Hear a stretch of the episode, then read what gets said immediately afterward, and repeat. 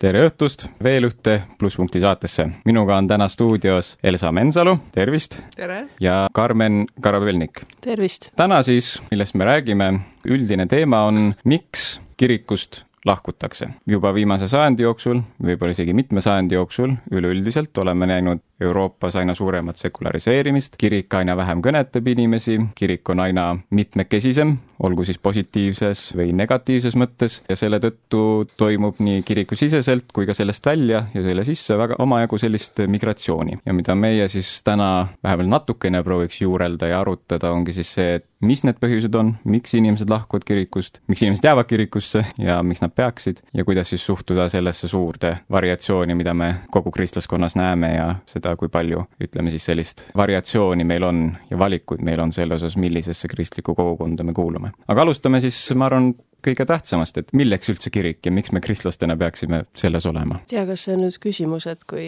üks õppejõud ütles, et kunagi oli üteldud loengus, et isa, poeg ja ja vastust ei tulnud tükk aega. et kas vastus on ilmselge või miks kirikusse kuuluda, sest see on Jeesuse kutse, ta läkitas jüngreid kahekaupa, ta käis ise ringi jüngrite salgaga, ta ei olnud üksik rändjutlustaja. Paulus kirjadest räägib kogudusest kui Kristuse ihust, et mm -hmm. me oleme sellest ihust eraldatud, kui me ei ole koguduses. kirik on see vahend, mis liidab meid Kristusega yeah.. see kaasaegne vaimsus on ju, mida me näeme, on see, et kirik on puhtalt spirituaalne, ehk siis selleks, et kuuluda kirikusse, ainus asi, mis sul on vaja, on isiklik usk. kui sul on isiklik usk, siis äh, vahet pole, kas sa oled üldse seotud ühegi kogudusega või kas üldse oled näinud ühtegi kristlast või suhelnud ühegi vaimulikuga, sa juba automaatselt oled nii-öelda osa sellest müstilisest nii-öelda tervikust. see selles mõttes läheb vastuollu sellise, ütleme, ajaloolise on ju arusaamaga kirikus, mis on see, et kirik on see, kes võtab inimese vastu, toob ta mingil määral kristuse juurde. et kui inimene tajub patukahetsust, soovib uskuda, soovib, et talle antakse edasi kristlik õpetus, kristlik usk, kirik on see, kelle poole alati pöörduti ja kirik on see, kes alati ka pakkus, kelle käes olid kõik need vahendid. aga nüüd tänapäeval see vaimsus on, on ju veidike nihkunud, kogu info on kättesaadav me võime lugeda mis iganes raamatuid, ise võtta piibli kätte, vaadata internetis mis iganes vahendeid ja tekib justkui mulje, et meil on mingisugune side kirikuga, sellepärast et meile paistab, et me mõtleme juba ühtemoodi, kuigi reaalselt ütleme siis seda kontakti ei ole toimunud veel? no ma olen kuulnud inimestest, kes on äh, tulnud sellisest taustast, et nad ei ole kristlased olnud ja siis nad on just kuidagi leidnud või tulnud nagu Jumala juurde just nagu mingisuguste kas interneti nagu jutluste mm -hmm. või raamatute millegi kaudu ja aga siis nad on jäänudki niimoodi, et kuna nad pole teadnud, et missuguse kirikusse nad peaksid minema, siis nad ongi jäänud nii-öelda nagu üksikuteks kristlaseks. nagu mõtlevadki, et äkki siis nad peaksidki niimoodi äh, jääma, sest nad on alati mm -hmm. niimoodi, niimoodi olnudki nagu nii-öelda üksikud kristlased. mulle tundub, tundub, et äh, nendes juhtumides, millest ma kuulnud olen, siis tihti see probleem just sellest, et on see küsimus, et no kuhu ma lähen sest on mm -hmm. nii palju neid kirikuid ja võib-olla need jutused, mida nad on kuulanud, on hoopis kuskilt välismaalt, et ei olegi võimalik näiteks minna Ameerikasse, et ma lähen nüüd kogudusse sinna mm, -hmm. kuna seal hea jutlus, vaid, ma elan näiteks Eestis või elan mm -hmm. näiteks Soomes. et ma peaksin siit leidma midagi, mis nagu natukene nagu vastaks sellele, mis oli see, mida ma kuskilt leidsin. et võib-olla just see paljusus vahel ongi siis, kui sa tuled sellisest kontekstist, kus sul mm -hmm. mingi kontakti ei eksisteeri veel, esimene kontakt on just internet näiteks või raamatud mm, -hmm. paljus võib-olla tekitada vahel selle küsimuse ka. üks põhjus, nagu mõtlen, miks, miks ilma koguduseta on võimatu, on võimatu täita ligimese armastuse käsku, mm. kui sul ei ole seda ligimest ja seda on kõige parem praktiseerida nende ligimestega, kes on koguduses. ma mõtlen, Paulus kirjutab Efesuse kirjas kolmandas peatükis on imeline palve, kus ta palvetab koguduse eest ja ta palvetab, et me koos kõigi pühadega võiksime ära tunda Kristuse armastuse mm. -hmm. see on oluline just koos kõigi pühadega mm. -hmm. üksinda on võimatu seda Kristuse armastust haarata.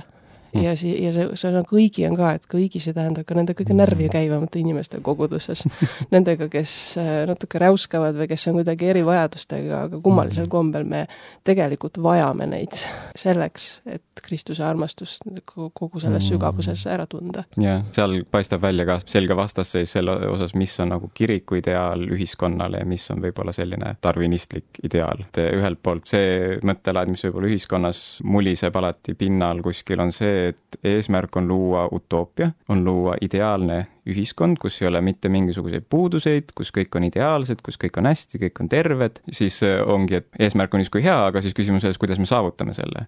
ja kas see on üldse võimalik, on ju, et maa peal me saavutame sellise ideaalse, laitmatu, kannatusteta ühiskonna ja samal ajal kirik vaatab otsa sellele, et maailm on katki, maailm on patust rikutud ja meil on alati haigeid, meil on alati vaeseid, meil on alati inimesi, kellel on erinevaid puudeid, meil on inimesi, kes kannatavad patu all ja panevad teisi kannatama oma pattudega. kirik kui haigla on hea, hea võrdlus, seda on tihti toodud. just, aga siis ongi, et see nagu mõttelaad veidikene on osadesse inimestesse just kirikus nagu imbunud, et nemad soovivad, et kirik oleks utoopia. et siin on kõik terved, et kui kirik on nii hea asi, siis ju võiks kõik olla siin ka nagu kõige parem, et siin võiks olla kõige mugavam, siin võiks olla kõige õnnelikum, kõige nagu meeldivam, kõige ettearvatavam. eks aga... me muidugi haiglast ootame ka siiski head ravikvaliteeti. me ei tahaks pikalt pidama jääda haiglasse, mis, mis lihtsalt hoiab meid juhtmete otsas ja võib-olla arst hoiab kätt või õde hoiab kätt, aga tegelikult nagu ravimisega ei tegeleta. et mhm. ega sellise haiglas nagu pikalt ei tahaks raviarveid maksta. et see ootus, et ma, et kirikus ma tervenen, see ei ole halb ootus issand on meie ravi ja seda piibel lubab, Jeesus tervendas inimesi. aga mis ma mõtlen, et mis, mis on nagu ühiskonna ja kiriku nagu niisugune vastuolu, on see, et ühiskond soosib või tunnustab või eeldab, et me oleme igaüks nagu nii autonoomsed või iseenesest piisavad. ja selline üksinda uskumine ka nagu peegeldab sellist, et mina ja mu usk, me oleme iseenesest piisavad. aga see koguduse mõte on, toonitab just seda teist, et ma ei ole ise piisav. kuskil oli hästi öeldud, see oli vist Raadio seitsme selles päevasõnas, et jumala lemmikplaan on panna meid vajama teisi inimesi. et jumala lemmikplaan on see, et me mingisuguse asjaga ei saa ise hakkama, lihtsalt pean ütlema, see asi ei õnnestu, Elsa palvetama eest näiteks või mm. tule mulle appi, et niimoodi saab äh, mm. jumala nimi austatud, kui me saame ise hakkama, siis me saame ise uskumisega hakkama, siis tegelikult mm. ei ole seda jumalat ka sinna vaja et see üksinda uskumine, isegi kui ma olen lugenud piiblit ja kuulanud jutlusi, siis võib kujuneda selleks, et ma üksinda usun kõvasti sellesse, et ma usun ma olen ise ka pikki aastaid uskunud Jumalasse ja palvetanud omaette ja lugenud piiblit ja Vana Testament oli minu jaoks hästi kõnekas, ma olen, olen lugenud palju seiklusjutte, siis Vana Testamendi need lood olid nagu selline hea jätk, need olid ka seikluslood omamoodi, lihtsalt teises ajastus, teises kontekstis, aga ikkagi sõjad ja kangelasteod ja, ja siis ma jõudsin Uue Testamendi piiblilugudeni, see oli laste piiblilugude raamat. ma ütlen tagantjärgi, et seal oli justkui kate peal, see oli täiesti võõras, arusaamatu mu jaoks. Ja see kate eemaldus tegelikult alles siis, kui ma sattusin Pauluse noorteõhtutega, ma sattusin EÜ-sse, Eesti Evangeelsete Üliõpilaste Ühendusse kus ma nägin neid inimesi, kes elasid selle Uue Testamendi järgi. Mm.. nii hästi halvasti, kui nad parajasti koos Jumalaga välja tuli, kõik on mm. nagu oma, oma erinevas kohas. siis hakkas Uus Testament avama, et Vana Testament, see, et Jumal on looja, oh, selle võid sa küll nagu niimoodi kuidagi üksi ja piibli lugedes jõuda selle järelduse, et jah, ma jaatan, maailm ei ole tekkinud juhuslikult, Jumal on looja, aga selle, et ma vajan Jeesust päästjana, selle, et et ristil on mingi tähendus, pattude andeks andmine ja nii edasi, et see kõik, mina ütleks, et see avaneb tõeliselt koguduse kaudu ja saab sellest nagu tähenduse. see just pilt Kristuse ihust kui sellisest ka on ju, et miks võrdleb nii apostlid kui ka, kui Kristus ise on ju kirikut oma ihuga ja mingil määral isegi nähes tegelikult neid kannatusi, mida on ju Kristus läbi elas, siis ma ei mäleta võib-olla päris täpselt, aga vist oli Peetrus, kes ütles, et tema soov oli see, et, et Kristuse kannatused saaksid elavaks ka meis, et meie saaksime Kristuse kannatuste osaliseks ja nii-öelda kannataksime koos temaga ja niiviisi, nagu tema kannatas. ja seal jällegi see ütlebki, et ainult ihuna me saame niiviisi kannatada. et kui Kristus kannatas risti peal, siis ta ei olnud üksi. Apostel Johannes oli seal, mitmed tema naisjüngritest, tema ema oli seal ja tegelikult noh, kogu kolmainsus oli tegelikult seal nende kannatuste juures kohal, et Kristus küll paistis üksi, ja teatud tähenduses isegi oli üksi ja hüljatud, aga siiski selle kannatuste läbi tõi lunastuse kogu inimkonnale ja see lunastus peab, on ju, sündima ka igas inimeses individuaalselt ja see ongi ihus olemise kaudu. Need kannatused ongi need, mis toovad meid aina sügavamale sellesse lunastusse, mis tegelikult Kristus tahab meile pakkuda sest kui me ei kannata, siis nagu sa ütled, see kate jääb peale. me keelame endale midagi, äh, millel on tegelikult teatud hind võib-olla. mitte kui ei kannata, vaid ma mõtlesin kui seda, et lihtsalt meie, et teistega koos avaneb see, aga selles mõttes võib-olla küll jah, et üks, üksinda on, ma olen kokku puutunud viimasel ajal sellega, et palju ülistatakse sellist mediteerimist kui sellist, ilma et oleks seal oluline, et kellele või millele see meditatsioon keskendunud on. lihtsalt kristlasena mõtlesin, et miks ma, miks ma mediteerima peaks, ma võin ju kohe palvetada et aga sellel ongi see oht, et see sellist sellistel meditatsioonidel, et see on hästi sellisesse enesesse keskenduv ja mul on õudselt lihtne siis ja võib-olla seda on vahepeal vajalik võtta seda aega endaga, tõesti siis lugeda piiblit, keskenduda, tunda ära, mida mina mõtlen. seal on nii lihtne saada see ettekujutus, et uh, see on päris hea inimene olen sisimas, tõmmata see võr-, võrdusmärk, kuna mul on praegu siin hea, ma olen hästi puhanud, kohv maitseb hea, olen, kõht on täis, kuna mul on hea, võrdub mina olen hea ja ma ei taha kaotada seda illusiooni, et mul on hea ja see tähendab, mina olen hea mm.. ja see illusioon laguneb kiiresti, kui ma olen teiste inimestega mm. -hmm. aga, aga niimoodi selliste kannatuste kaudu küll, et Jumal nagu lihvib meid. mina seda ei näe nagu, et see oleks nagu ilmtingimata hirmus vajalik, et me peame kehaliselt kannatama, et me võime otsida selles, me võime otsida Jumala abi ja Jumal mm -hmm. kutsub seda otsima ja ma... see on Jesaja raamatus vist on see, et Jeesus on tulnud, et tema vermete läbi on meie tervis tulnud ja ta on tulnud, et meie kannatused nagu ära kanda, mitte et neid mm -hmm. meile juurde tuua. aga mm, -hmm. aga see, see lihvimine, et ma lähen teiste ise tegelikult puudu, ilma et ma seda teaks, tegelikult puuduliku inimestena, ma lähen teiste puudulike inimeste juurde ja kui me lähme nagu sügavuti, siis hakkab tegelikult nagu ilmsiks tulema, kui lühike süütenöör mul mingis olukorras näiteks on, ja siis saab Jumal tegelikult sellega tegeleda. selle juurde on jah, vaja see, et ma aeg-ajalt neist süütenööri plahvatustest lülitan välja ja olen lihtsalt Jumalaga kahekesi ja, ja lasen ka nagu tunda seda, et Jumalal tegelikult on must hea meel, aga kui see läheb sellesse äärmusesse, et ma nüüd hakkangi nagu vältima inimesi selleks, et mitte purustada seda illusiooni, et mul on praegu hea, kõht on täis, ma olen hästi puhanud, piiblisõna maitseb see ikka hea täpselt sellest kõige mõnusamast kohast, ebameeldivaid kohti väldime, siis järelikult mina olen hea ja väike nimbus hakkab tekkima, et siis äh, koguduses võetakse ära ja sealt väikse meeleparanduse okaskrooni natukeseks, aga sellel on mm -hmm. lõpuks äh, sügavam tähendus. Elsa, sa tõid enne välja, on ju see, et on, on inimesi, kes ongi siis näiteks, ütleme näiteks interneti kaudu kuulanud erinevaid jutluseid, puutunud selle kaudu kokku siis jumala sõnaga ja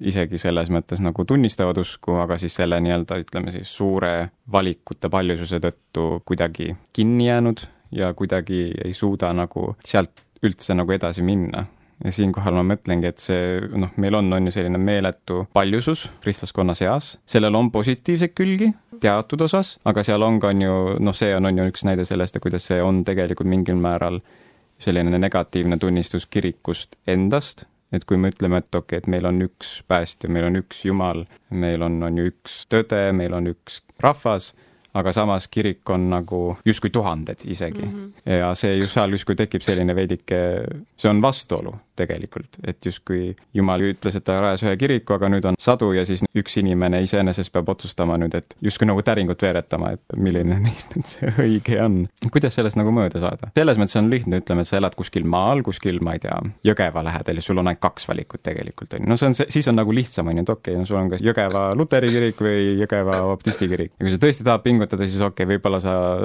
reisid terve tee Tartuni iga pühapäev, aga noh, kui tõenäoline on, et sul on reaalselt jaksu seda teha, on nagu teine teema. kas see peakski siis olema, et vaatama, mis on sinu nii-öelda reaalsed valikud sinu piirkonnas, noh, maal elades on lihtne, kui sa elad linnas, siis sul on ikka kümneid või sadu valikuid. ma arvan, et sõlt-, sõltub just kohast ja naljakas, et sa Jõgevat tõid, sest ma mängin seal Luteri kirikus orelit aga seda tegelikult, see oli mulle selles mõttes lihtne, et mind kutsuti sinna mängima.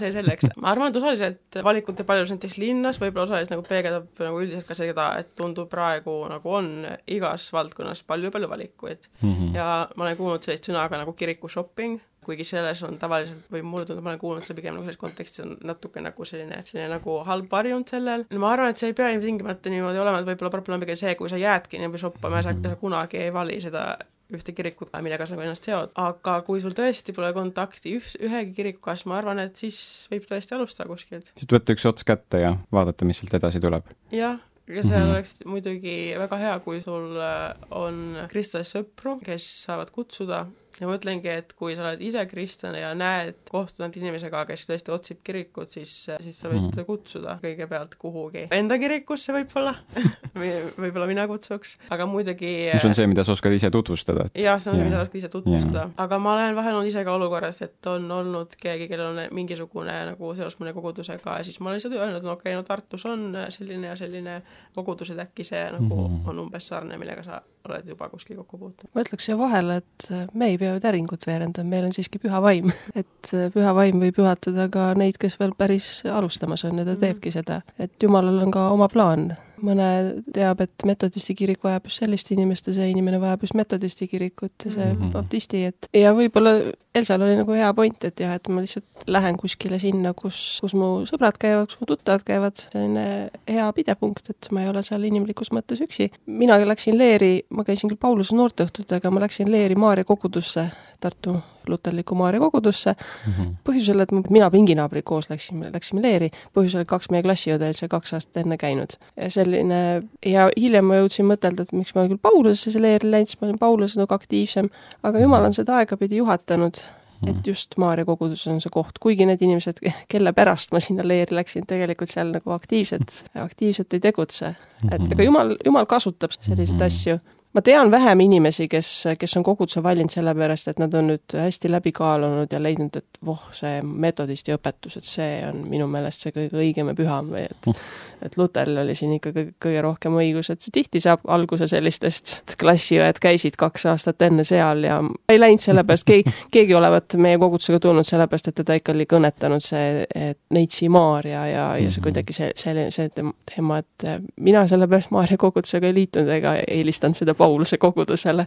et kuidagi mm. sisulised küsimused, sa hakkad nagu hiljem neid otsima mm -hmm. ja Jumal hakkab sulle nagu avama, et, et Jumal teab seda sisu enne ja teab, kuhu mm, -hmm. kuhu, kuhu sind juhatada. ja ma lisaks ka seda, et no ma ka ei mõelnud nagu täiesti suvaliselt minna kuhugi, aga samas palvetada ka võib-olla, et mm -hmm. kui mhm. sa oled juba palvetanud, siis ma arvan, et siis Jumal juhib ka seda, et kuhu sa lähed ja milline kirik. ma ei tea, kas see, kas see siia sobib või sobib see kuskile järgmisse teemade plokki, aga, aga see anekdoot, anekdoot või ka, see on olnud ka tõesti sündinud lugu, aga küllap seda on anekdootina räägitud ka mitmel pool, et, et üks naine otsib, otsib ideaalset kogudust käib mm. ühes kogudus, seal on ikka see, see puudu, seal usutakse seda valesti, seal inimesed nii ja naapidi ja käib ja käib ja otsib ideaalset kogudust lõpuks ühes koguduses pastor küsib talt, väidetavalt olnud see Oleviste kogudus, et olevat tõesti reaalne juhtum olnud ka Eestis, et pastor küsib talt, et no oletame, et sa leiad, kuigi me ei ole ideaalne kogudus, aga oletame, et sa leiad siit ideaalse koguduse. Mõtleks, ideaalne kogudus, aga nüüd liitud sellega sina. Kas ta jääb siis edaspidi ideaalseks. ja siis naine oli natukene mõtelnud ja liitus selle kogudusega. et, et kõigis kogudustes on oma vigu, ma ei eita, et seda on ka, neid on Pauluse kogudus, neid on Maarja kogudus, neid kõikides armsates kogudustes, kust ma olen saanud, neis on ka, ka omad puudused ja hõõrumised olnud aga see, see ideaalsus või rikutus, et see on nagu hästi mhm. meis endas kinni. ma arvan, siit ongi väga hea edasi liikuda selle järgmise teema juurde, mis ongi siis see, et miks siis inimesed kirikust lahkuvad, et praegu me rääkisime mingil määral pikalt ja laialt sellest, et miks on ju kirikus olla, miks on ju Kristus meid selleks kutsub, mis selle nagu kasu on ja kuidas me ka sinna nagu jõuame lõpuks, aga siis noh, väga traagiliselt me näeme ka väga palju seda, kuidas väga paljud inimesed lahkuvad kirikust. väga paljudel erinevatel põhjustel. võib-olla esmalt ma küsiks siis kohe ära, et kas on head põhjust kirikust lahkumisest? me just enne rääkisime, et, et ainus hea põhjus oli see, et on jalad ees. aga, aga see ei ole tegelikult muidugi kirikust lahkumine, kui issand sind ära kutsub, sa oled endiselt kiriku liige lihtsalt sealpool. mul ühtegi muud head põhjust ei meenunud mm. -hmm. ma arvan ka, et täiesti kirikust lahkumiseks ilmselt ei ole, kuigi siis mm -hmm. võib-olla see on juba järg-, natuke järgmine teema, aga võib-olla vahel mõnest konkreetsest kirikust või kogudusest äh, lahkumiseks võib-olla mõnel juhul on tõesti mm -hmm. põhjus, et äh, on juhtumeid, mhm. kus see on parem. ei, ma mhm. ütleks ka, et, et -hmm. kirikust võib lahkuda ainult niimoodi, et sa lahkud maapealsest kirikust taevasse kirikusse. siin ilmselt ongi hea eristada, on ju, seda, et nii-öelda kohalikku kogudust ja siis seda universaalset kirikut siis, sest ühest kohalikust kogudusest, noh, ükski kogudus ei saa pretendeerida sellele, et kogu kirik kehastub neis. Ja et kui sa tahad olla, on ju, osa kristlaskonnast, osa kirikust, siis sina pead just selle konkreetse kogudusega olema seotud. Ja kui sa lööd sellest lahti, et siis sa oled ennast kogu kirikust lahti löönud. et seda nagu keegi ei saa öelda, kuigi on sekte, kes seda ütlevad, kindlasti ohumärk, ma olen ise puutunud kokku ühe sellise sektiga, kes nimetas ennast Kristuse kogudus, mis oli tegelikult mingis mõttes nagu eriti ärritav, et üks sekt, üks, on isegi konfessiooni mõõtu andnud välja, et üks pisikene mm -hmm. sekt Ameerikast alguse saanud, võtab endale nii kõikehõlmava nime mm. -hmm. selles mõttes ma tunnen, et on mm -hmm. nagu mhm. ausam ütelda, et me oleme metodistid või me oleme luterlased mm, -hmm. me oleme selle vigase inimlike puudustega luteri järgijad pigem kui, kui see, et me võtame endale sellise vastutuse, et ütelda, et me oleme oleme vot see õige Kristuse kogudus. selles mõttes tahaks nagu hoiatuseks isegi ütelda, et äh, ta vist Tallinnas tegutseb mingi nime all. Church of Christ või? Church of Christ no, on ta inglise keeles. jah ja,, aga nende põhimõte on see, et isegi kui sa oled nende aktiivne nagu mm -hmm. osalejaga, kui sa ei ole ristitud Usule just nende hetkel. kogudusse mm -hmm. ja peaksid ära surema, siis nende kindel veendumus on, et sa oled põrgukandidaat. või noh, mitte kandidaat, vaid juba sinna ka vastu võetud. ja see on tegelikult üsna nagu ohtlik ja manipuleeriv õpetus ja ka, et nad nagu seovad oma liikmed nagu enam-vähem igapäevaselt. sest on ju universaalne kristlik õpetus on, on ju see, et ristimine on kehtiv ükskõik mis konfessioonis sa oled, kui see on õigesti tehtud. isegi katoliku kirik, õigeusu kirik, et isegi mm. nemad ütlevad, et erandkordades isegi ilmik võib, on ju, ristida.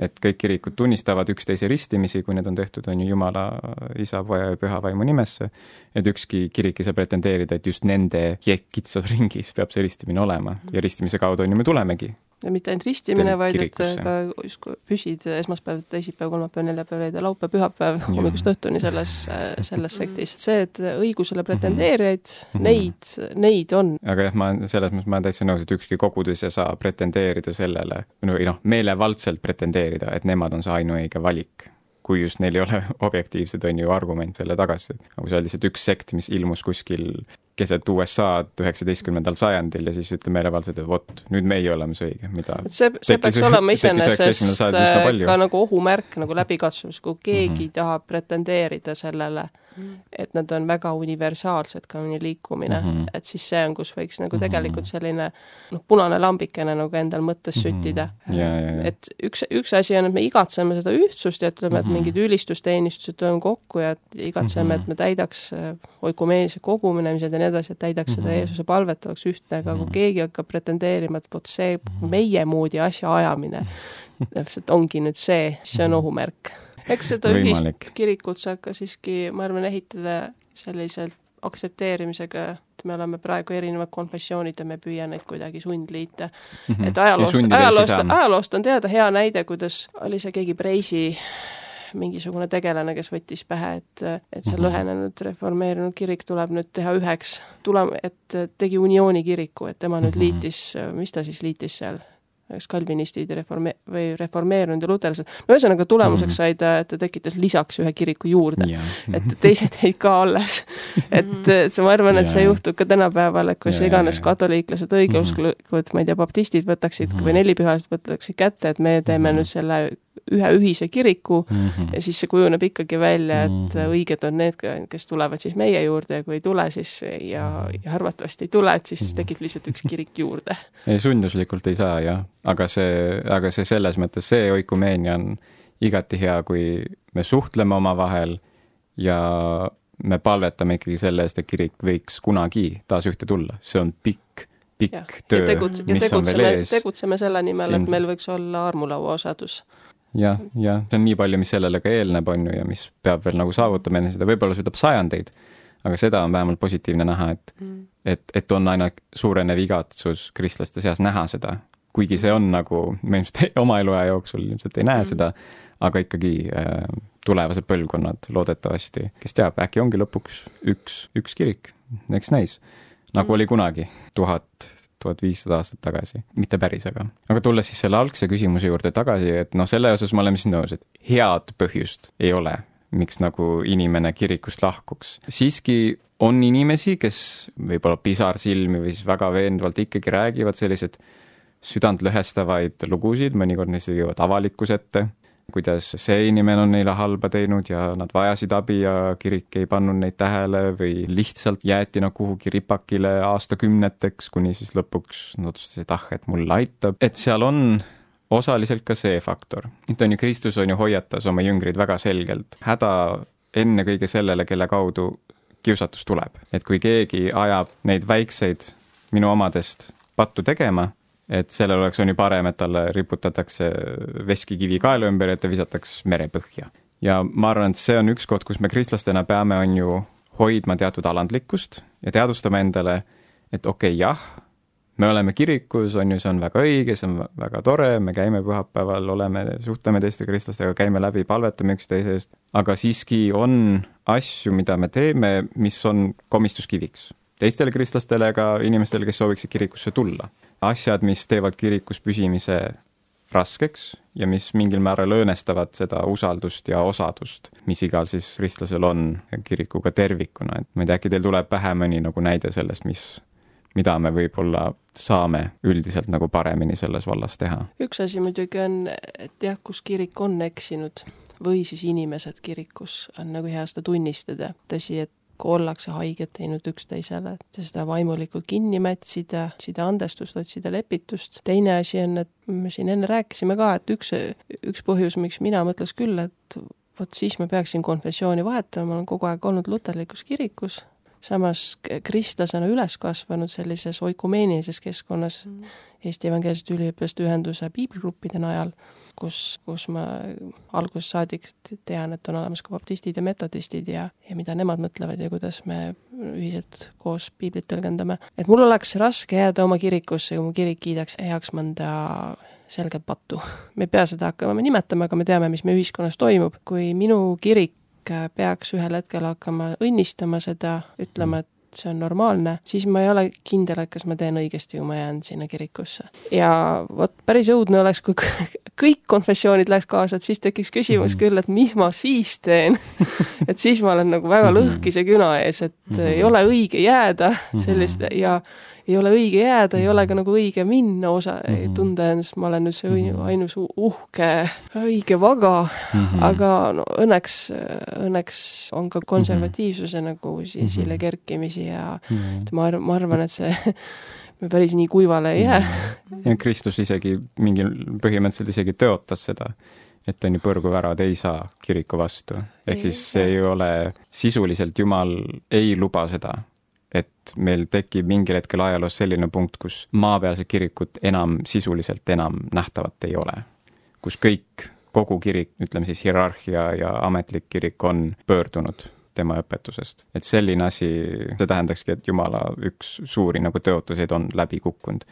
et tal ei olegi tegelikult enam kirikut, mida tulla vastu võtma viimsel päeval, kui ta tuleb taas tagasi. et see nagu lootus meil on vähemalt, aga see, et asjad lähevad üsna kehvaks ja üsna kitsaks võib minna, et, et see on muidugi ikka Midagi reaalne. jumal nagu paneb meid endid, katsub tegelikult läbi, et kui olulised on meile tema põhimõtted, kui olulised meil on mm -hmm. need nagu elureeglid, mis, mis ta on andnud mm. -hmm. kui, millise hinnaga me oleme valmis neid tegelikult nagu jaatama, et kas me oleme me ei otsi, nagu Paulus kutsub üles taotlema rahu kõigiga, nii, nii palju, kui meist oleneb mm. -hmm. me ei mhm. otsi iseenesest nagu mm, -hmm. ei, ma, ei käi ei, ei tööl ega koolis ega peres ringi ega, ega me ei käi hõõrumas nina alla seda mhm. teatavat teemat, eks ole. ja see ei oleks eriti mõttekas ega viljakas inimsuhete mhm. arendamisel, aga samas, et me ka ei kardaks seda, Jeesus on ütelnud, et on tulnud tooma mõõka ühes kohas, et me ka ei kardaks seda mõõka, et Jumal paneb nagu selles mõttes ka kuidagi nagu meid proovile, mida me, keda me valime, mida me, keda me, me valime, kui on päriselt, päriselt olukorrad. kui oluline on meile nagu see, et et äh, mis on temal oluline? no ma võib-olla, no kuna ma olen Soomest pärit, siis võib-olla toon nagu Soome näide, natuke viitan sellele, mida sa ütlesid nagu see pattuunistamise ja muu kohta. näiteks see, no Soome luteri kirikus see on, asi on nii-öelda kaugemale jõudnud, et ja nagu seda nii-öelda neid lahkhelist on veel palju, palju rohkem ja siis erinevad küsimused on nagu tekitanud äh, nagu mõlemas suunas nagu liikumise, et mõnede jaoks kirik on liiga konservatiivne ja siis jälle mõnede jaoks ta on siis no nii-öelda, kuigi mulle natuke, mulle mingis mõttes ei meeldinud panna need sildid konservatiivne libe-, liberaalne niimoodi nii selgelt, aga mm -hmm. ma mhm. kasutan neid, sest mul hetkel ei tule paremaid meelde mm. -hmm. aga siis mõnede jaoks on ikka libera-, liberaalne ja siis ongi nagu teki-, tekkinud isegi nagu liikumine nii-öelda kahes suunas ja siis no võib-olla veel rohkem selles, et mõned ongi Soome luteriklikus lahkunud just nii-öelda nende äratusliikumiste poole, mida Soomes on päris palju ja mis on üldiselt mm -hmm. võttes ikkagi natuke rohkem konservatiivsusesse kalduvad või siis on mm -hmm. sündinud ka uusi kogukondi just. jah, see on proovilepanek, nagu, nagu ka Kaarel ütles, aga ma ütleks, see on küll tõesti proovilepanek nii mhm. üksikule kristlasele kui ka kõigile kogudustele ja kirikutele. ja see on ilmselt ka koht, kus ühelt poolt meie ligimese armastus pannakse proovile, sest mõistagi, eriti noorte ja ütleme siis, olgu siis vanuse poolest noorte või usus noorte puhul, küsimusi on palju, inimesed toovad kaasa kogu oma pagasi, varasemad kogemused, võib-olla läbielamised ja, ja ka tegelikult on ju põhimõtted ja siis nad kirik, peavad selle kuidagi lepitama sellega, mis kirik õpetab. ja sealpool on ju, see on selline kahepoolne, et kuivõrd me oleme nõus ära kuulama, kannatlikult selgitama neile ja teiselt poolt see, et kui hästi me tegelikult ise ka mõistame seda, mida kirik mm -hmm. õpetab, sest selle Mhm. taha mulle tundub, et tihtipeale asi jääb, et inimene tegelikult on kirikus nagu aastaid ja tal on samad mm. -hmm. küsimused, aga ta ei saa tegelikult mingit nagu sisulist vastust. ta saab mingeid nagu vaimulikke loosungeid mm. -hmm. mis noh, on võib-olla sellise hea kõlaga, aga neil pole mingit nagu sisulist mõtet, mis nagu teeksid neile selgeks, et miks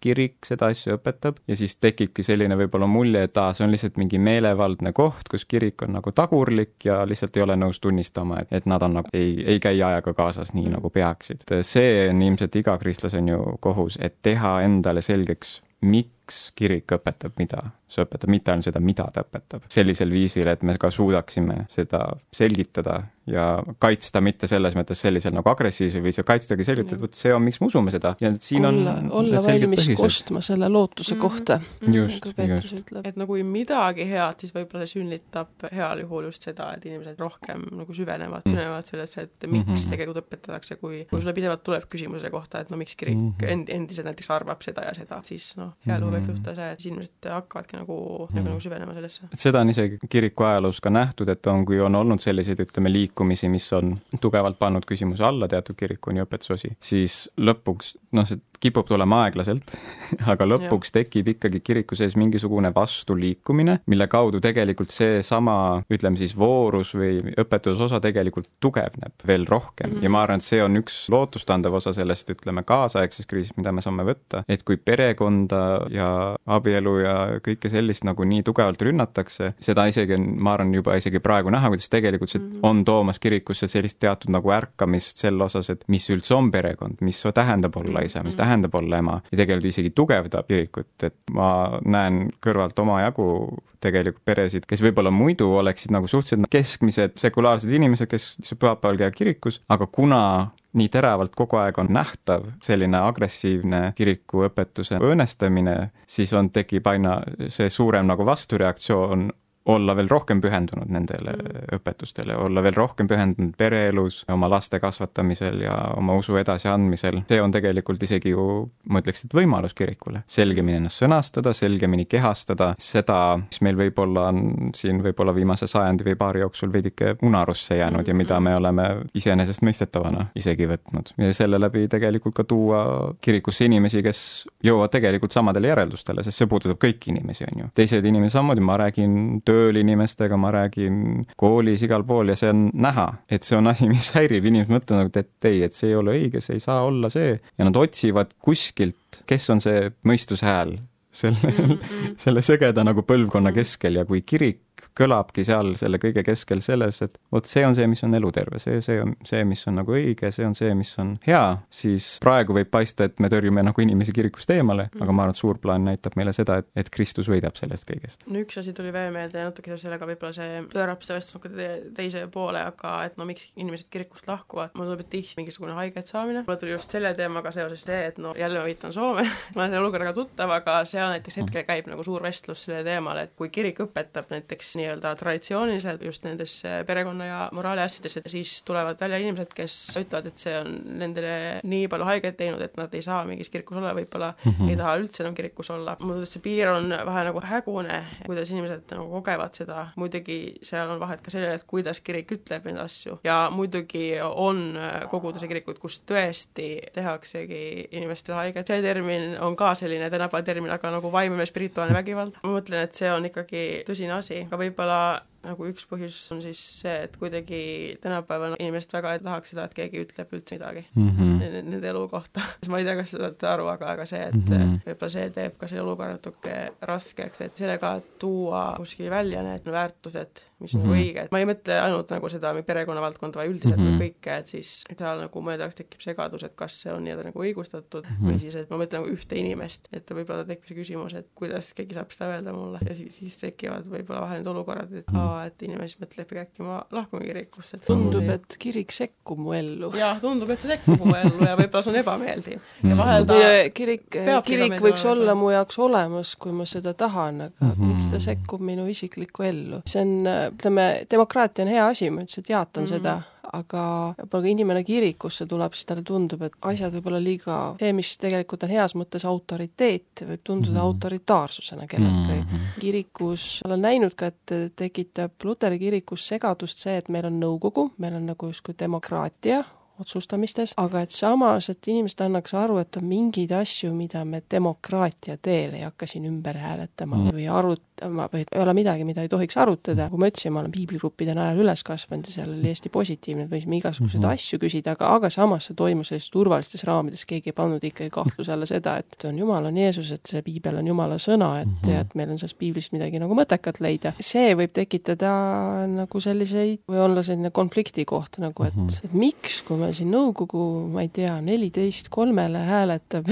ja õpetaja ikka ei tee niimoodi, et et oh, selline natuke labane et miks, et me siin nõukogu hääletab, et me siin rendime joogaklubi sisse, toob renditulu, meil on vaja koguduse eelarvele ja õpetaja paneb selle lihtsalt veto peale, et kuidas, kuidas on, kas ta on autoritaarne õpetaja, ei kuule nagu koguduse nõukogu talle ütleb, eks ju, siis, siis sellistes kohtades üldse kogu see kirikusse tahab tungida väga, ma näen Luteri kirikusse selline nagu uus vaimsus. võib-olla otseselt, kuigi on ka kirikuid kahjuks, kus tõesti, see ei ole ainult naljaga toodud näide, kus tõesti käib mingi joogatamine ja kirik ei näe selles probleemi. ütleb, et see on mhm. võimlemine, eks ole, mhm. jooga nagu see mõte on, et need poosid on, on nagu sellised mhm. rituaalsed kummardused neile hinduismi jumalatele, miks peaks kirikus me võtma sisse poosi, millega me kutsume enda juurde mingi Brahma või Vishnu või kellegi, päris täpselt ei saa kristlasena aru, aga on ka selliseid nagu peenemaid asju. Ja siis tuuakse õigustuseks, noh, et, et need asjad, et me toome niimoodi uusi inimesi juurde, noh, toome kõigepealt nagu sellega, me pärast hakkame talle tasapisi seda kristlust ka andma niimoodi juurde, siis, siis tuleb lihtsalt endale nagu meelde tuletada, et, et jah, kogudus on ka inimeste jaoks, et jah mm, -hmm. meil on väga, meil on antud see missiooni käsk, meil on antud mm -hmm. see käsk võita hingi mm -hmm. kogudusse, aga samas ka õpetada neid pidama kõike, mida mm -hmm. Jeesus on käskinud, mitte neid, neid lihtsalt kätte saama, et ega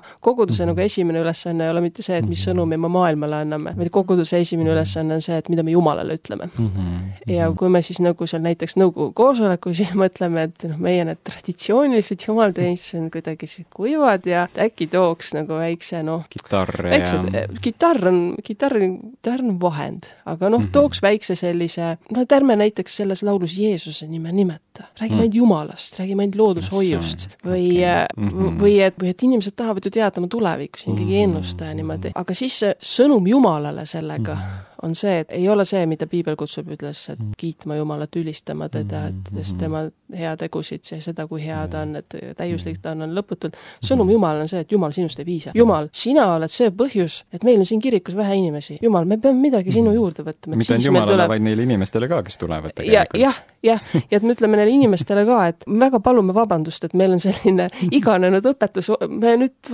vastavad teie soovidele, küll on hea, et te need välja ütlesite, toome siia midagi juurde, aga eelkõige on see, et me ütleme, Jumal, Kristus sinu pääste ei ole piisav mm. -hmm. sinu pääste mm -hmm. ei ole mhm. neile inimestele piisav, sest nad ikkagi ei tule mm. -hmm. et meil midagi juurde vaja, et nad nagu saada siia ligi. et me ju, me ei, ei mm -hmm. usalda Jumalat. täitsa nõus sinu mõttega selle poolest, et ma ise olen ka nagu täheldanud, et on see kalduvus, on ju, nagu sa ütlesid, et veidike nagu häbeneda justkui seda noh, seda, mis meie usk nagu päriselt on ja see, mis tegelikult on see, mida me nagu praktiseerime. aga kirikul ikkagi lõpuks peab olema mingi oma elu mida me elame ja mida me elame samamoodi, sõltumata sellest, kas keegi teine tuleb kõrvale või mitte. et kui me pidevalt elame selle mõttega, et keegi filmib, et me oleme kuskil mingis reklaamis, et kõik peab olema hästi ilusti silutud ja puhas ja korralik ja arusaadav, et siis tegelikult me mingil määral oleme ikkagi nagu noh, silmakirjalikud selle juures. me pakume inimestele usku, mida meil tegelikult endal isegi ei ole ja me pakume neile mingit vahepealset versiooni, millesse nemad ei usu ja millesse meie ise ka ei usu ja siis lõpuks ongi kuidagi selline asi, mis lihtsalt on ja mida me kõik üritame nagu ära kannatada. meie kristlastena mõtleme, et see on selleks, et oh, et nemad saaksid tulla ja teised kuidagi kannatavad ära ja mõtlevad nagu, et no okei okay,, aga no ma ikka ei saa aru sellest, mis siin toimub. oma elu peab meil olema, mida me ise elame ja mitte ainult sellepärast, et äh, teised vaatavad. vaid sellepärast, et me ise usume, et Jumal teeb meile head nõnda. ma ei eksi, see oli Tõesamba koguduses mm., pastor ütles minu meelest väga hea eluterve mõtte äh, ta jaatlas loomulikult, et ta rääkis kõigest evangeelsest tööst, mis nad teevad ja niimoodi, võttis selle vajalikkust, aga ütles, et vot, me ühel hetkel nägime siin meie liikmete seas, et on nii palju nagu tervenemisvajadust, nii palju nagu katkisust, et me tegelikult peame praegu rohkem võib-olla fookuse pöörama sellele, et me tegeleme oma liikmetega ja nende vajadustega, palvetama enam nende eest, seisma usus tervenemise eest ja nii edasi. ja mulle tundus nagu see selles mõttes nii hea eluterve mõte, et see, see võib jääda nagu tahaplaanile, et me, meil on vaja võita, kus on vaja võita uusi hingi, kus on vaja võita uusi liikmeannetajaid, eks ole, koguduse eelarve oleks tasakaalus, et aga see küsimus, et kuidas me tegeleme nende inimestega, kes on meie koguduses, et kuidas me neisse nagu panustame, et me nagu ootame, et nad on nüüd saanud ja et luteri kirikus ma näen oht, et kui keegi väike ärksam niisugune aktiivsem inimene tuleb, siis ta kohe tahetakse seitse nahka koorida, aga tegelikult see on nagu beebi, kisume ema üsast välja ja ootame, et ta nüüd jookseks ja teeks ja keedaks kohvi meile ja tooks, kui ta on alles, alles sündinud, eks ole.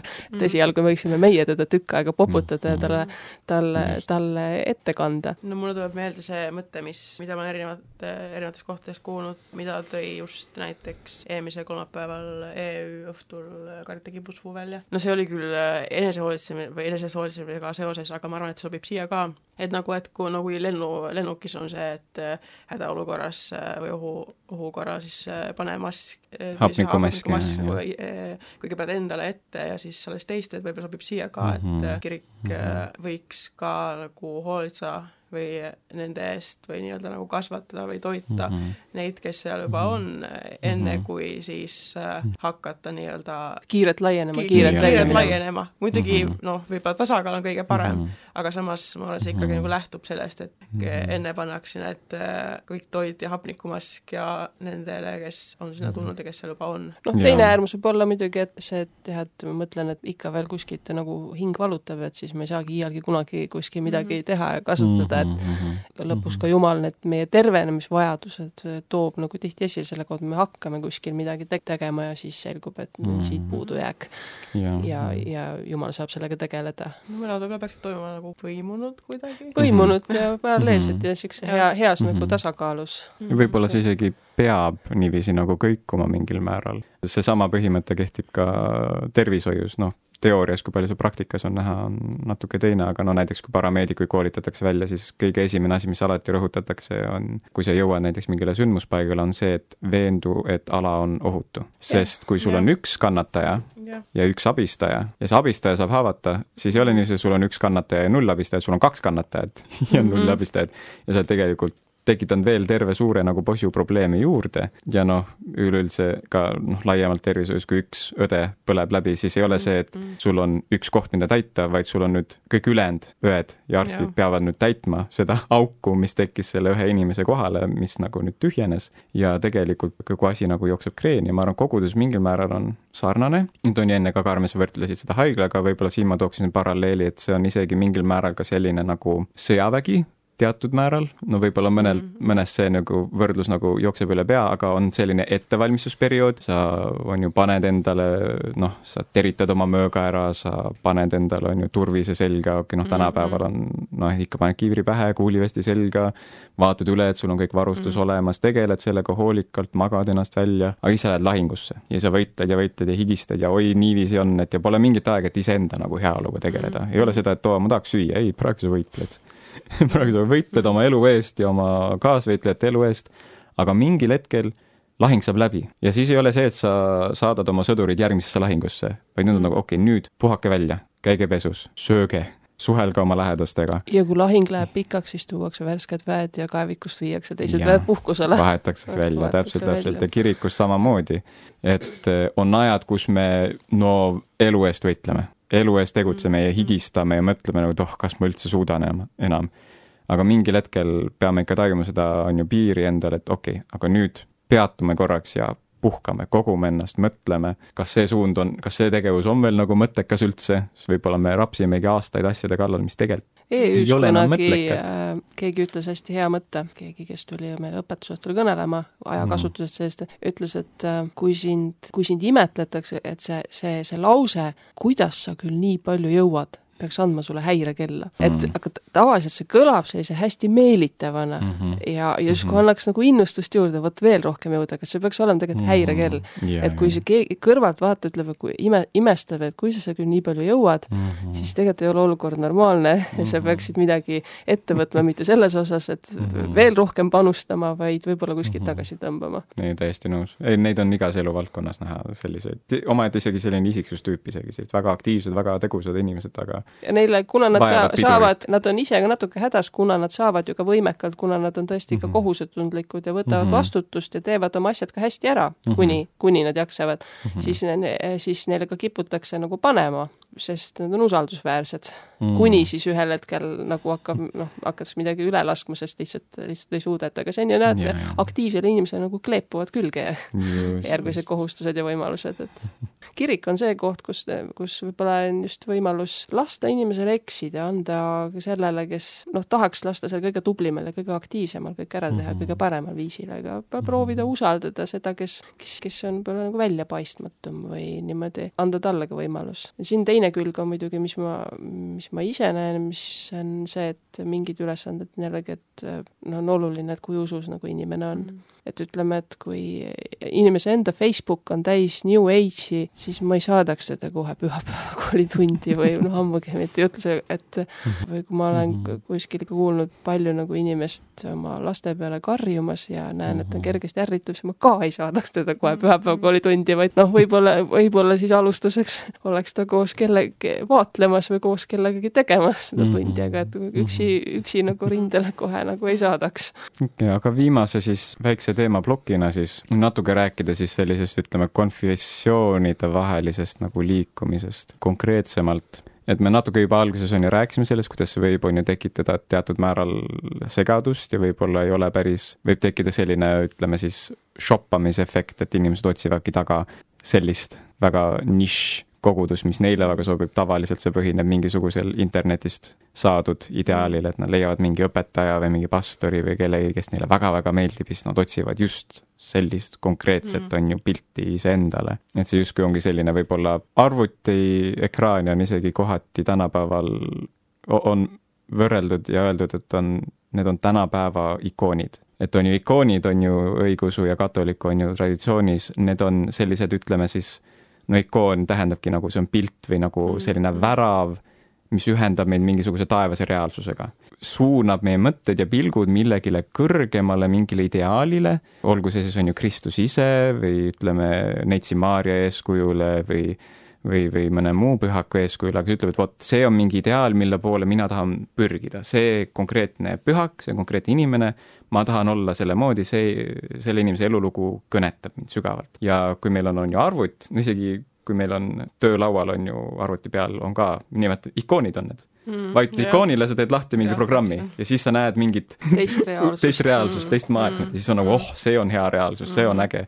täpselt selline, nagu mina soovin ja internet on selles mõttes loonud miljoneid ikoone isikutest, kes pole isegi surnud veel mm.. no on ju, ikoonid, keegi saab pühakuks, on ju, enne kui ta sureb mm.. Sest kes teab, mis juhtub, äkki ta salgab usu ja tegelikult noh, ta ei olegi taevas ja noh, mis seal noh, tegelikult ei ole hea eeskuju, on ju.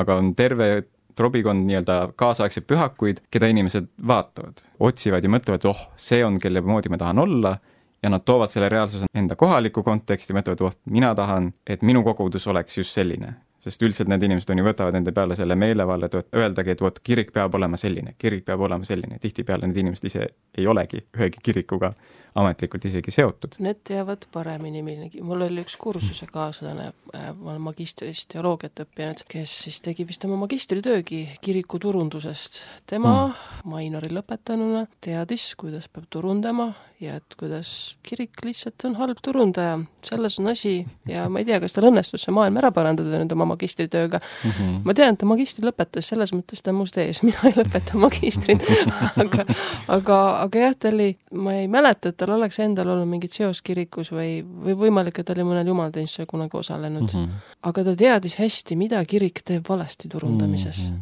-hmm. ja teadis, mida kirik mm -hmm. peaks hakkama tegema mm. -hmm. et vot, et olla edukas, et rohkem inimesi tuleks. aga jah, kahtlemata need mõned asjad, mõnes asjas tal võis olla, olla õigus, et noh, selles mõttes, et kirik miks mitte siis sotsiaalmeedias paremini välja paista ja nii edasi, aga, aga mõned asjad on, on just, just see rubriik, et, et nende asjadega me siis ütleme Jumalale nagu selle sõnumi, Mhm. mida me loodetavasti kirikuna ei taha Jumalale ütelda. No ma üritangi siis mõelda, et miks see konfessioonide vaheline nagu liikumine toimub ja selles mõttes ma arvan, selles osas me oleme nõus, et parem vahetada konfessioone, kui lahkuda usust üldse. või mõtleme vahetada religiooni. või üldse No hea jaa. ega religiooni usust vahetada. ei Mhm. lahkuda iseenesest, on ja see, ilmselt leitakse jah, midagi uut jah, Mm. Ja, ja ateistiks saadakse pigem harva, pigem leitakse mingi midagi, mis on sama umbmäärane kui see, mis keskmise inimese peas on. agnostitsism, sellised. humanism või mis iganes kõik Mm. seal võib veel olla, on ju. et selles mõttes noh, kui inimene jääb ikkagi nagu ütleme siis pühakirja ja püha vaimu mingisugusesse ikkagi sfääri, siis seal ikkagi alati on veel nagu lootus alles. kas inimene püsib seal uues, et noh, selles mõttes, et noh, ma kunagi olin selline hästi rahulolematu alati olin nagu, aa, miks me nii teeme, miks me nii teeme, et võiks ju nii teha ja tegelikult nii on ju õige ja niiviisi edasi, edasi, edasi, muudkui vaidlesin ja üritasin ja niiviisi, siis ma ütlesin, et okei okay,, hästi, arutame, on ju, küsime neid küsimusi ja no mul oli, mul on väga selles mõttes nagu targad pastorid olnud ajapikku, kes noh, kohati oskasid, kohati ei osanud, aga ikkagi väga tarku otsuseid tegid minu osas, aga ikkagi rõhusid sellele, et okei okay,, hästi, need on tähtsad teemad, aga vaata ikkagi iseenda sisse ja nagu mõtle sellele, kuhu see sind viib lõpuks. sest kui me liiga selliseks individualistlikuks läheme ja liiga palju ajame taga nii-öelda neid õigeid asju, lõpptulemus on see, et me jäämegi tegelikult üksinda. võime mõelda, et okei okay,, jah,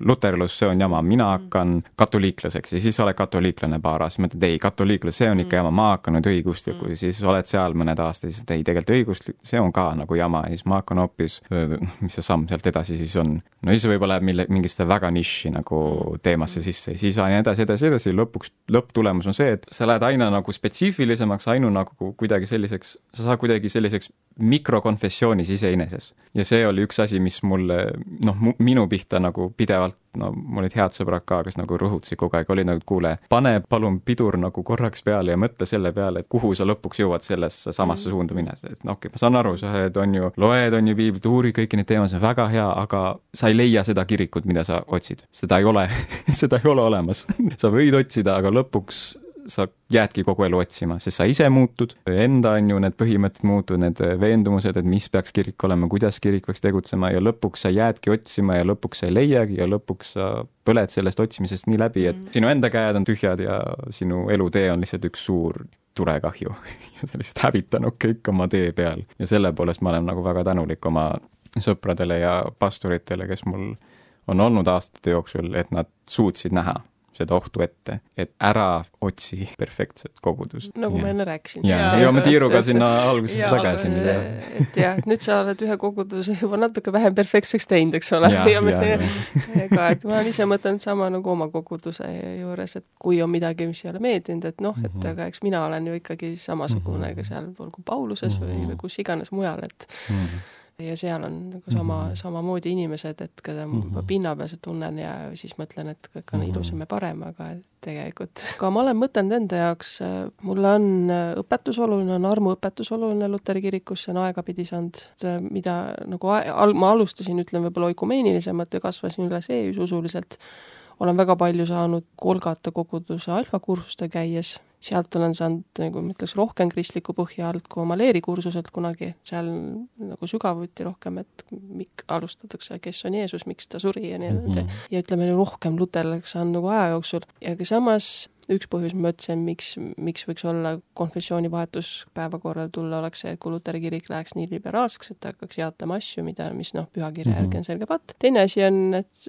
olen mõtelnud, kui ma peaks, on elukohavahetus kui ma elaks mujal kuskil mm, -hmm. kus ei ole luteri kirik näit- mm, -hmm. näiteks noh, nii heas mõttes konservatiivne või ma olen olnud head, head kogemused Pärnus ja Võrus metodisti kogudusega. ja kui ma peaks näiteks sinna praegu sattuma pühapäeval, ma ei otsi seal üles luteri kirikut, ma lähen nagu mm. -hmm. neisse kohtadesse ja siis ma olen ise nagu mõttemängu korra siin mõtelnud, et kui ma elaks Pärnus või Võrus, et huvitav, kas must saaks metodist.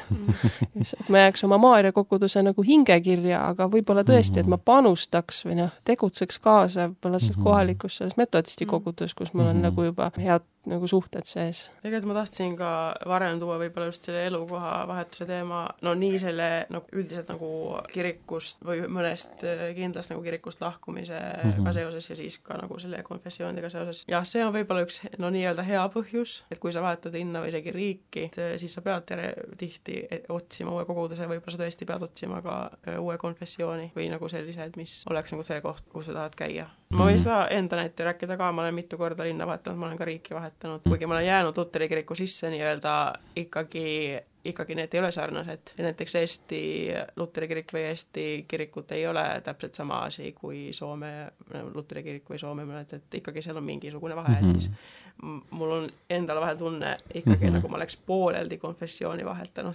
ma, tuleb meelde üks tuttav, kunagine hea sõber EÜ-st, kes, kellest hakkas kujunema elusõnalane selliselt, et ta oli pool aastat Rootsis, Rootsi Eesti kirik, luteri kirik tundus talle väga sellise surnud nähtusena mm -hmm. ja ta hakkas seal käima elusõnas ja et praeguseks ta mhm. vist on mingis vabakoguduses kuskil, et aga see üleminek hakkas nagunii mhm. toimuma, et kes seda teab, kui ta oleks Pauluse kogudusse edasi jäänud, et kas see nagu nii järsku oleks toimunud või, või mhm. selline. see on see üks nagu rikastav pool, mil, mingil määral nende konfessioonide erisuse poolest, et teatud need erinevad rõhuasetused toovad ikkagi selgelt mingeid tugevusi välja. see asi, mis baptiste eriti esile toob teiste seas, on nende väga innukas usu kuulutamine ja evangeliseerimine ning ka nende väga innukas selline pühakirja uurimine, et seda ma no nii luterlastega rääkides, isegi katoliiklastega, paljude teistega. ja nii mõnigi nagu, luterlane igats-, igatseb seda luteri kirikusse juurde. ja, ja see ongi, tahaks väga õppida juurde, siis peabki minema baptistide juurde, sest nemad on need, kes nagu pingutavad selle nimel, et nagu lugeda koos piiblit niiviisi ja selle poolest nagu see, no ühelt poolt on kurb, et justkui mingid osad kiriku elust on kuidagi jaotunud konfessioonide vahel, aga samas ka see on positiivne, et kuskil mingid osad kiriku traditsioonist elavad tugevamalt edasi. ja, selle hea, kaudu see, see rikastab välja. ka neid ülejäänud see on hea, nagu jah, see on hea väljakutse nagu teistele konfessioonidele ja. ja ei kardeta enam sellist hirmsat asja nagu kodugrupp luteri kirikus, eks ja. ole, vaid on nagu avastatud, et see ei ole enam, ma olen kohanud suhtumist, et see on midagi jubedat baptistlikku, aga enam ta nagu ei ole. luteri kirikus ka on kodugrupp ja olen ka ise osa saanud neist, et, et see on, mõnes asjas ongi juba küsimus, et kas see asi, mida ma igatsen, mis teises konfessioonis köidab, et kas ma siis suudan selle võita oma konfessiooni või mm. kas või elementi sellest, et see, et on palvegrupid ja mingil hetkel oli öö, oma kogudes oli see, et inimesed, kes tulid palvegruppi, ühte või teistpidi urgitsesid, saad teada, et ta on käinud alfakursusel näiteks, et ka see nagu see tõdemus, et kahjuks millegipärast see, mis sa temas kohtad mm -hmm. ja mõtled, oo kui tore, ta ei ole saanud seda oma kogudusest, aga noh mm, -hmm. see ongi, et siis kas ma hakkan ära jooksma selle pärast oma kogudusest, saaks seda oma kogudust või ma saan mujalt kogudustest mm, -hmm. aga mhm. ma samas igatsusega oma koguduse keskel palvetan, et see enam püha vaimu tööd, see tuleks nagu meie kogudusse ka, mitte et ma seda enamat püha vaimu tööd lähen ja, ja sellepärast lähengi oma kogudusest ära, et Timo Ligel oli tore selline irooniline termin, ühte jutlust kuulasin, ta on nagu võidomeeter, et ta ütles, et mõned inimesed käivad äh, nagu kogudusi pidi, et ja ikka otsivad, et kus see suurem võidmine on, et nagu oleks mingi selline mõõteriist, võidomeeter mm, -hmm. mõõta, kus on suurem võidmine mm. -hmm. tuleb veel meelde sellega seoses, et no nii, niimoodi klišeelikult öeldes see on tõesti rikkus ja siis mul tuli meelde see, et soome keeles on üks laul nimega Tilku täkki, ma ei tea, mis ta eesti keeles olla võib, aga selline tekk, mis on väikestest osakestest mm -hmm. kokku pandud. lapitekk La,. lapitekk. lapitekk äkki lap,. lapitekk mm, -hmm. et on see nagu vaimulik laul soome keeles, et kus mm -hmm. just räägitakse, kuigi see laul pigem viitab nagu üksikutele inimestele, et mm -hmm. me oleme koos nagu see mm -hmm. lapitekk, aga samas ma hakkan praegu mõtlema, et, et mingis mõttes võib viidata ka nagu, et kogudustele, kirikutele, et ük, mm -hmm. üks kirik on nii-öelda üks lapp selles mm -hmm. tekis. Nad võivad tõesti väga erinevat värvi olla, erineva mm -hmm. Mingi mustriga, aga samas nad on üksteise nagu selles küljes kinni ja siis mm -hmm võib võtta nagu neid, et see mhm. võib-olla on see, nagu saab öelda nagu positiivne asi selles, et on erinevaid mm -hmm. konfessioone, kui nii saab ja. öelda. ei, see on küll see rikastav pool, aga see ongi see, et siis peabki toimuma nagu see suhtlus omavahel mm -hmm. ja mitte see, et teatud isiksused ja teatud prioriteetidega inimesed koonduvadki ühte kohta mm, -hmm. teiste prioriteetide soovidega mm -hmm. teise kohta ja siis sul ongi jälle selline isoleeritud ja lõpptulemus on lihtsalt sama ja mm -hmm. inimesed on lihtsalt liikunud. aga kui see on see suhtlus, siis minu usutee õnn on see, et ma olen neid teisi konfessioone kohanud eh, oikumeenise töö raames. ma mm -hmm. ei mhm. ole pidanud nagu mõtlema, et oi, et äkki siit luteri kirikust midagi enamat, ma ei ole pidanud ise selleks minema ilmtingimata nüüd nat-, hakkama natukeseks ajaks metodistiks ja natukeseks ajaks baptistiks, eks ole, vaid, vaid selle